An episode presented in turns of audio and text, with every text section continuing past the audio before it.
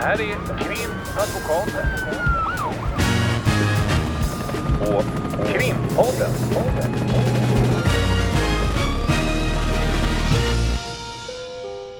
Parter och ombud kallas till sal 32. Just det Lotta, du och våran kollega här på Krim var ju i London och var och tittade på olika domstolsförhandlingar. Berätta! Ja, det var faktiskt ganska roligt också. Det, Annika och jag bestämde oss för att bara åka iväg plötsligt när det fanns utrymme. Det är nästan som man måste göra i den här branschen för det första. Ehm, Ni hade att- typ en dag ledigt. Ja, en dag ledigt. Eh, Faktiskt två. Eh, och då stack vi tidigt måndag morgon ehm, till London och ehm, kollade upp lite innan så att det fanns några mål vi kunde gå på. Vi Och tänkte ni vi, kände någon, det var ju någon advokat ni kände. Mm, precis, som då hade tipsat lite om också att ja, men här rullar och skickat lite um, såna här, vad säger man, förteckningar på vilka mål som pågick då och så. Och då eh, började vi med när vi kom ner så bort, Ner? över. När vi kom över. När vi kom kom- över. när vi kom över till London så eh, gick vi då första dagen på måndagen direkt till den här Old Bailey. Och, och det är lite speciellt att man där har delat upp det så att de grövsta brotten är på en speciell domstol och det är då eh, The Old Bailey, den här anrika, ganska tunga byggnaden. Som man har sett eh, ifrån engelska filmer och deckarserier och sådär. Ja, men Man har precis. sett inredningen därifrån. Det här är lite trä, mörkt. Mm, Att lite det de olika båsen. Berätta om de här båsen förresten. Eh, och nu menar du de här glasburarna? Ja, jag säga. tänker som att det ser lite annorlunda ut Mm. i själva rättssalen än här. Ja, det gör ju det. Ehm, när man, dels när man kommer in, nu gick ju vi dit som åhörare. Så att vi gjorde ingen grej alls av att vi kom dit som eh, inspekterande advokater. Men, eh, eh, så vi gick igenom den vanliga säkerhetskontrollen. Det slipper vi göra när vi är i Sverige. Men här eh, gick vi igenom en ganska, ja det är ju som ungefär en flygplans mm eh, säkerhetskontroll. Men och sen när man då kommer in som åhörare så eh, sitter man också bakom en glasruta så som man gör i säkerhetssalarna här. Men du, där måste jag avbryta dig. Mm. För visst var det så att ni eh, alla åhörare fick, ingen åhörare fick ta med sig mobiltelefon in? Nej, det är ju någonting som eh, vi inte kände till. Och som eh, eh, skiljer sig från hur det är här. Här får man ta med sig mobilen in. Och sen Ja, brukar... Nu kommer ett lagförslag Ja. om att det ska ändras. Men, eller att man ska ha kontroll över folks mobiler. Men eh, ni fick ju lämna ifrån dem. Mm, man fick inte ta med sig dem in genom säkerhetskontrollen. Man Och man kunde heller inte lämna dem där på något sätt att det fanns här förvaringsboxar eller någonting. Mm. För att vara en sån anrik byggnad och det här mytomspunna att man har sett det så mycket så var det en, en oerhört eh, anspråkslös entré för allmänheten. Alltså det var ju en sån här liten, nästan som en bakgränd. Eh, och med allt vad det innebär med sopor och lukt och, och så. Så att vi tänkte, men är, är det här verkligen? Då de aktörerna går ju in då, den här stora fina ingången. Men vi som en, en, bak, vad säger, en bakdörr. Och en ganska smal trappa upp och där var det då två vakter så, så är det då det här stålbågen, alltså övervakningsdelen. Och där talar man om att nej, ni får inte ha med er in en, en mobiltelefon. Något förvånad över att vi inte kände till detta självklara. Men då bröt ni lite på svenska så att de förstod. Ja, men eh, och då innebar att vi fick eh, gå till en närliggande affär och lämna in den där på förvaring. För där hade man då som en sån självklar avgift man fick betala så fick man då stänga av alltihop och så vidare. Och om man inte stängde av mobilen då var det en skylt uppsatt. Det här var en resebyrå så det är lite speciellt att de körde sån sidoverksamhet. Ehm, en skylt där om man inte stänger av då tar de ut simkortet. Så man, man är väldigt noga med att, att eh, lyda de punkterna kände jag. Det är som när man lämnar in, när man ska gå upp på häktet och så eh, lägger man in telefonen, den får man inte ta med där heller. Och så står det så här, snälla slå av telefonerna för det är alla som vi som glömmer det. Så det ringer i kakafoni av telefoner när man är där. Och det vill de inte ha på resebyrån. Nej, men och då kan man ju alltid bara ta på ljudlöst Mm. här. Det är ju här eh, varningsskylt. Nej, Om du inte stänger av så tar vi ut simkortet. Liksom. Ja, ja. Men hur som helst, vi lämnade in den där. Det var inga problem. Det var bara några meter därifrån. Så det var inget. Så gick vi tillbaka ehm, och igenom den här eh, säkerhetskontrollen och in då på bänk. Och ja, det skiljer sig eh, till, till, till, ganska stor del tycker jag i hur själva salen är uppbyggd och, och vilka som sitter i själva salen om man jämför med en svensk rättegångssal. Eh, dels så sitter den tilltalade i en eh, glasbur.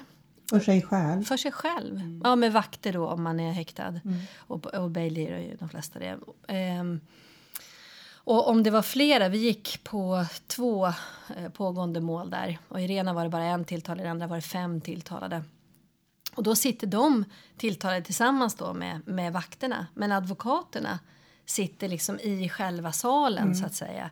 Som en, en, eh, som en föreläsningssal kan man nästan säga med att, att ordföranden sitter längst fram vid, vid ett eget skrank. Sen är det ju då jury och sen sitter på sidan om och sen så sitter eh, eh, flera advokater framför i bänkar riktade mot domaren. Mm. Och i det här då där det var fem tilltalade, då satt de tilltalade bakom så det enda de ser är ryggen på sina advokater. Ja, exakt. Väldigt speciellt om man då jämför med, med här där man ju sitter precis bredvid sin klient. Och då kan man ju tänka sig när vi sitter i rättssalen så sitter vi ju om vi är försvarare bredvid vår klient om man är målsägandebiträde bredvid klienten och då är det ju många som tror att att man sitter och sparkar på klienten och säger så här och viskar och skriver ner. Och det är ju inte så särskilt vanligt förekommande. Någon gång kanske man har puttat till och då är det nog snarare inte det här ska du säga utan vi måste ta det lite lugnt här helt enkelt. Någon mm. kanske som blir upprörd eller någonting. Mm. Men eh, om man har då en, en klient som kanske blir lite upprörd och är en engelsk barrister mm. så kan man inte putta till. Nej, verkligen inte. Och, och, alltså jag tycker att det är en poäng också i att man sitter nära om det är någonting man inte hänger med. Vi har ju ett, tycker jag, ett system som är inriktat väldigt mycket på att den enskilde ska förstå och mm. hänga med. Och vi pratar liksom inte över huvudet. Ibland kan det nog mm. uppfattas mm. så men det finns i alla fall en god vilja tycker jag från samtliga aktörer hos oss att, att man på något sätt håller det på en nivå där alla alla är med på något sätt och att det är viktigt. Ja, för om inte klienten hänger med eh, så mm, om det är någonting som sker snabbt eller någonting som uttrycks på juridisk svenska eller vad man ska mm. kalla det så kanske de skriver ner någonting eller vänder sig och, och viskar eller någonting mm. och då kan man säga ja men visst okej vänta och då ber man om en liten paus. Man behöver inte gå ut, man kan förklara under tiden eller säga det där tar vi sen. Ja, det är en kommunikation mellan mm. advokaten och klienten mm. på ett mycket mer naturligt sätt då, än om klienten är, är instängd i en glasbur. Ja. Jag har någon sorts bild om att den här glasburen är liksom lite högre upp också. Var den det? Eller är den på samma plan? Ja, den är på samma plan. Mm. Det kan man säga. Men domaren han sitter väl högt upp? Ja, han sitter lite högre upp. Det är mm. inte sådär jättehögt mycket. Mm. men eh, nej, men ja, jag, jag, tyckte nog att det var lite speciellt. Jag kan också tycka ibland att man med den här kommunikationen i, i vissa mål där man liksom har ett, man har ju alltid ett gemensamt försvar om man säger så, men, men ibland så är det ju verkligen ett samarbete och då kan det också vara ganska viktigt att klienten säger ja, men det, det här, kom ihåg det här nu eller mm. det här måste vi prata om. Och, och då, det här som vi alltid, vi har pratat om det förut här i podden också, att det är en, det är en levande process. Mm. Vad som helst kan hända och så vidare. Och då är det ju väldigt bra att man jobbar tillsammans på det sättet. Och det är ju fullständigt omöjligt såklart när någon sitter bakom ens rygg Ja, det här kontinuerliga. För ja. man, kan man har ju givetvis pauser även där och kan gå ut och kommunicera med klienten. Men, mm. men då är det kanske vissa detaljer som har försvunnit. Hade de penna och papper, klienterna som satte det här? Nej, inte vad jag såg. Det jag såg. Men det är, de har en, får vi ju nog säga, en väldigt, väldigt annorlunda process mm. och procedur och helt annorlunda mm. regler än vad vi har. Även om vi har ett helt annat rättssystem och så är det ändå så att i, i slutändan så är det min uppfattning i alla fall att båda rättssystemen är robusta och mm. fungerar. Mm. Men när man börjar blanda dem, det är då det har blivit lite problem med de internationella domstolarna. Mm. Internationella brottmålsdomstolen och så, då har det blivit lite problem. Men annars har de ett robust system men det avviker så oerhört ifrån vårt system. Ja, så väldigt... de har en helt annan typ av, av, när vi pratar om det här med närheten mellan advokaten och klienten, den har ju varit också under förundersökningen för deras del när mm. alla detaljer reds ut på ett annat sätt. Mm. Jo, men det är sant, absolut. Nej men absolut, det, det är inte meningen som någon, någon, kritik att vi har så oerhört mycket bättre men det är så helt annorlunda tänk. Mm. Um, men um, och bara det att de har de här perukerna och, och slängkapporna om man ska säga. Som det är jätteintressant. Men uh, va, uh, då, har, då berättade ni att domaren hade en annan frisyr mm. på peruken mm. än vad advokaterna hade. Mm. Hade advokaterna på... lika Ja, de hade ungefär lika. Vi, läste, vi kollade upp lite bara på Google. Det där. Vi, prat, vi, vi frågade faktiskt ingen specifikt om de här perukerna. Men, men eh, om man kollar där så finns det då vissa, ja, det, att domaren har en annan form helt enkelt. Eller en annan sorts En annan lockighet. En annan lockighet. Okej. Men det är också väldigt speciellt såklart. Det här med, med eh, Men är det kollat också att det, den här peruken med en tillhörande huvudbonad Ja. hade en, vad var det, vad kostade det? Ja, jag kommer inte ihåg, jag är så dålig på att komma ihåg. Det var i alla fall... det var väldigt dyrt i alla fall. Och Det är någonting man köper själv. Liksom. Men ja, ja det, så är det väl. Men sen har de då svarta råber som det kallas. Ja, men precis. Är de öppna där fram eller är de slutna? Oj, jag vet inte om jag kommer ihåg. De var slut. Det bara, vad är det, tre veckor sedan? Mm, det är länge sedan. så mycket. För jag tänker, Men, jag men var- stärkta kragar. Ja, just det. För jag tänkte, jag har varit i franska Mm. Ja, rättegångar och då hade de ju det också. Då var jag också där tillsammans, eh, var också ledsagad som ni var lite av en, Mm. av en advokat, en fransk advokat. Och eh, då eh, berättade hon och visade deras omklädningsrum och visade där de hängde in de här roberna. Och eh, där tror jag inte att de hade peruker, det var rober de hade där.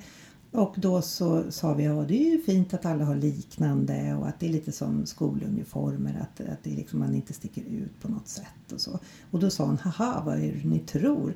Titta på den här roben, den är i finaste sidan. Titta på den här, den är i sämsta materialet, akryl. Och den här har en linning som gör att man kan visa sina diamanthalsband och den här har inte en sån linning. Det var en kvinnlig advokat det här. Den andra, det är väl samma där med, med manschettknappar. Men att man ändå kunde, trots att man har velat neutralisera att det inte ska synas så tydligt utan man är bara sitt yrke så har man ändå hittat möjligheter att, att ändå vara individuell. Som det blir med här. också vad ja, jag men förstått. blir, liksom. precis. Mm. Lite bättre märke då och lite så. Men Nej, vi såg- någon- nej. var- man, man satt kanske lite för långt ifrån. Ja, vi satt lite för långt ifrån och nu gick ju jag och Annika själva som åhörare. Vi hade inte med eh, Nej, hennes den här kompisen. Han var inte med. då? Nej. okej. Så, Så ni då- vågade inte gå fram och känna på om det var vad det var för typ av sida? Nej, men vi satt ju också bakom glasskiva Mm. eh, där som åhörare och vi, eh, det var inte så, de gick ju den här finare in och utgången Mm. och vi gick ju där i det nedkissade. Och visst är det väl så att de har perukerna även när de går in och ut eller är det bara på film? Ja, men nu kom Alltså vi utomhus? in också. Alltså, vi tog ju det här på måndagen så att när vi kom in, de hade hållit på hela dagen och när vi kom så var det liksom eh, slutskedet på eftermiddagen där och då satt de och det var ingen paus liksom. Ja, okej. och då satt vi med. För vi, vi började, vi kom in direkt efter lunch. De har ju en eh, senare lunch också. Vi har ju alltid så här 12 till 1 om det inte skulle vara något särskilt, att det är något förhör man måste hålla och så. Men här påbörjades eftermiddagens förhandlingar alltid två, klockan två. Och ehm, Eh, och så vi var på en annan som vi bara också gled in på tidigare. Och där var det också intressant då, om man ska se till vad det kan skilja sig eh, ifrån det svenska systemet. Att när vi kommer in där så satt domaren eh, fram och läste som en högläsning ur ett ganska, som ett kompendium på ja, jag vet inte, 50-100 sidor eller någonting. Det var också svårt att se så vi sitter en bit bort liksom. Och innan vi, du vet man sätter sig ner när man landar och lyssnar och den tilltalade satt i sin glasbänk och sen var det ganska få eh, personer framför, advokater och åklagare och sådär. Men, och då läste, eh, vi förstod efter en liten stund att det här var domskäl, alltså domen och hur man har kommit fram till det här slutet. Som de alltså läste Som från, han läste från A till O. Ja, och det, när vi kom in så var, som man får förstå då, så hade han hållit på ett tag och läsa det här. Och då satt vi ytterligare, jag tror det var nästan 50 minuter och lyssnade på ren högläsning. Där han sa att ja, och här har vi tagit, du har sagt, och då var han mycket så här, I accept. Så att jag, som att jag accepterar, du har påstått det här, det accepteras. Men då har vi det här som går emot och vi har tagit vikt vid det här och vi har gjort så och vi har gjort det. Sen enormt grundlig genomgång i hur man har gjort bedömning.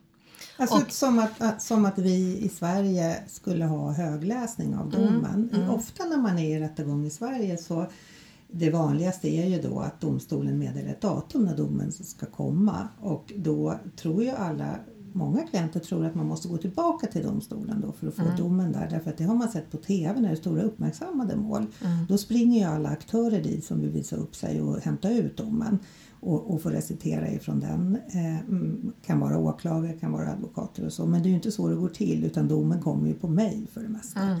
Och eh, man får den inte uppläst. Nej.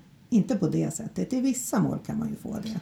Ja, men i vissa mål och framförallt ungdomsmålen är det ju där, där man från domstolens sida också då eh, tycker att det är viktigt att man kanske samtidigt förklarar lite mer och har mer ett personligt tilltal. Och i även andra mål måste man ju säga där man kanske bara får gå ut en, under en paus när det är den här överläggningen och så kommer man in och så meddelas det dom och då kan ju också domaren läsa upp och, och kanske ha ett lite mera Ja men ett personligt tilltal. Men just den här högläsningen och jag menar om Timmar.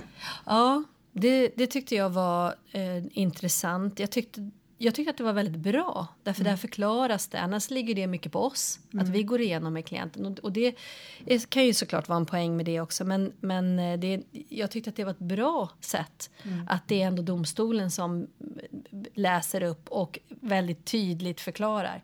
Varför har vi funnit att det här är då övervägande för att du ska vara skyldig trots ditt förnekande och trots att du har påstått det här. Och man gick även då in på de här Eh, personliga omständigheterna och hur, hur det skulle påverka då sen straffvärdet och påföljdsbestämningen. Det var en ganska ung kille i det här målet ehm, som också hade vissa diagnoser. Där gick man också in och man hade, fick vi då förstå, vi hade ju då inte följt den här rättegången, men, men eh, man förstod att de hade haft sakkunniga som hade uttalat sig om de här olika diagnoserna och vad det skulle ha för bäring och så vidare och så vidare. Så det var oerhört grundligt. Och, och jag tror absolut att det finns en poäng med att man förklarar det så tydligt. Det beror väl kanske också lite på även där vilken typ av mål. Om man tänker Oh ja, och vilken allvarlighet. Är det ett mål med många inblandade och, och det är olika... Nu ringer klockan här och det Mm. betyder att man ska göra olika saker men jag försöker stänga av den. Eh, Det beror ju helt på vad det är för typ av mål. Är det många inblandade och så, så är det ju, kan det ju vara lite komplicerat att kanske sitta i tio dagar och läsa en dom. Mm. Vissa domar kan ju vara inte vet jag, 100 sidor, 150 sidor. Ja. Ibland är en dom kanske åtta sidor. Men, men jag förstår det, det som kanske är tanken och det du förmedlar nu. Det är att man när man sitter där så är det domaren som läser upp förhoppningsvis på ett sätt så att man förstår och att man liksom får det där och då. Exakt. Ja, nej, men sammantaget så, så um, var det väldigt spännande ehm, att se det här andra systemet. Vi har ju gjort lite så här på byrån också. Jag vet vi var på den här resan till Peru till exempel. Där var det väl du och några av våra kollegor som var med på en rättegång. Ju- Nej, vi var inte det. Utan vad vi gjorde var att vi våldgästade eh, ett eh, advokatsamfundet i en liten stad uppe i Titicacasjön. Vi såg en fantastiskt vacker skylt och så kunde vi stava oss igenom den och insåg att det här är nog deras avdelning av ett advokatsamfund. Så vi var ett gäng som gick in där och sa vi är svenska advokater. Och då blev de alldeles till sig och var jättevänliga precis som vi skulle bli om det klev in på advokatbyrån eller på samfundet. Och visade oss eh, och berättade jättemycket om hur det fungerar. Och då anslöt sig en av advokaterna som var med på den här resan som tack och lov kunde lite spanska. Annars var det mest att vi skulle fota och se glada ut. Men vi fick en massa ny information. Men vi brukar ju det, eller jag tror att det är en, lite av en advokatsjuka att när man är utomlands så passar man på att gå i rättegångar. Jag var en gång i New York för massa år sedan och då var det helg. Men då lyckades jag hitta en öppen eh, ungdomsdomstol där de hade häktningsförhandlingar. Det gick på löpande band. Men det är jättespännande att se. Man vill ju se. Och sen tycker jag också att det är lite som ni sa också när ni kom tillbaka. Att det är så roligt för man kan stå och se slang med kollegor. Vi är jätteintresserade av hur det jobbas i andra länder och jag upplever att de också är intresserade av att höra. Man blir verkligen kollegor världen över. Nej, det är lärorikt och det är alltid intressant. Och sen så fick ni gå och dricka en massa olika sorters gin såg jag att ni la ut något foto. Mm, ja, precis. Det är också alltid trevligt Ja. som en avslutning. Det hör också till. Som Liksom. en domstolsgin då eller? Ja, men det låg precis bredvid och så var det en, en eh, meny. Alltså det var kanske 150 olika sorter. Det var helt otroligt. Men, eh, och det var trevligt. Och då förstod man att det var där man också, det var väldigt många som man förstod var verksamma i domstolen som gick dit efteråt. Och Men inga in. peruker va? Inga Var peruker. för dyra. Ja. Ja, intressant. To be continued om man får uttrycka sig på engelska. Då. Mm, men kanske kolla in det där med perukerna lite mer noggrant. Mm. Vad skillnaden egentligen var. Kan återkomma till det. Pris. pris, eh, eh, material Ja. och varför det är fler lockar eller annorlunda lockar på domaren. Det säger sig ju självt. Men det kan ändå vara lite intressant att få höra någon gång i framtiden. Mm, så kan vi försöka driva igenom det här, slipper man säga bad hair day. Ja, Har mamma sin perfekt. peruk, det är ju super. Krimpodden.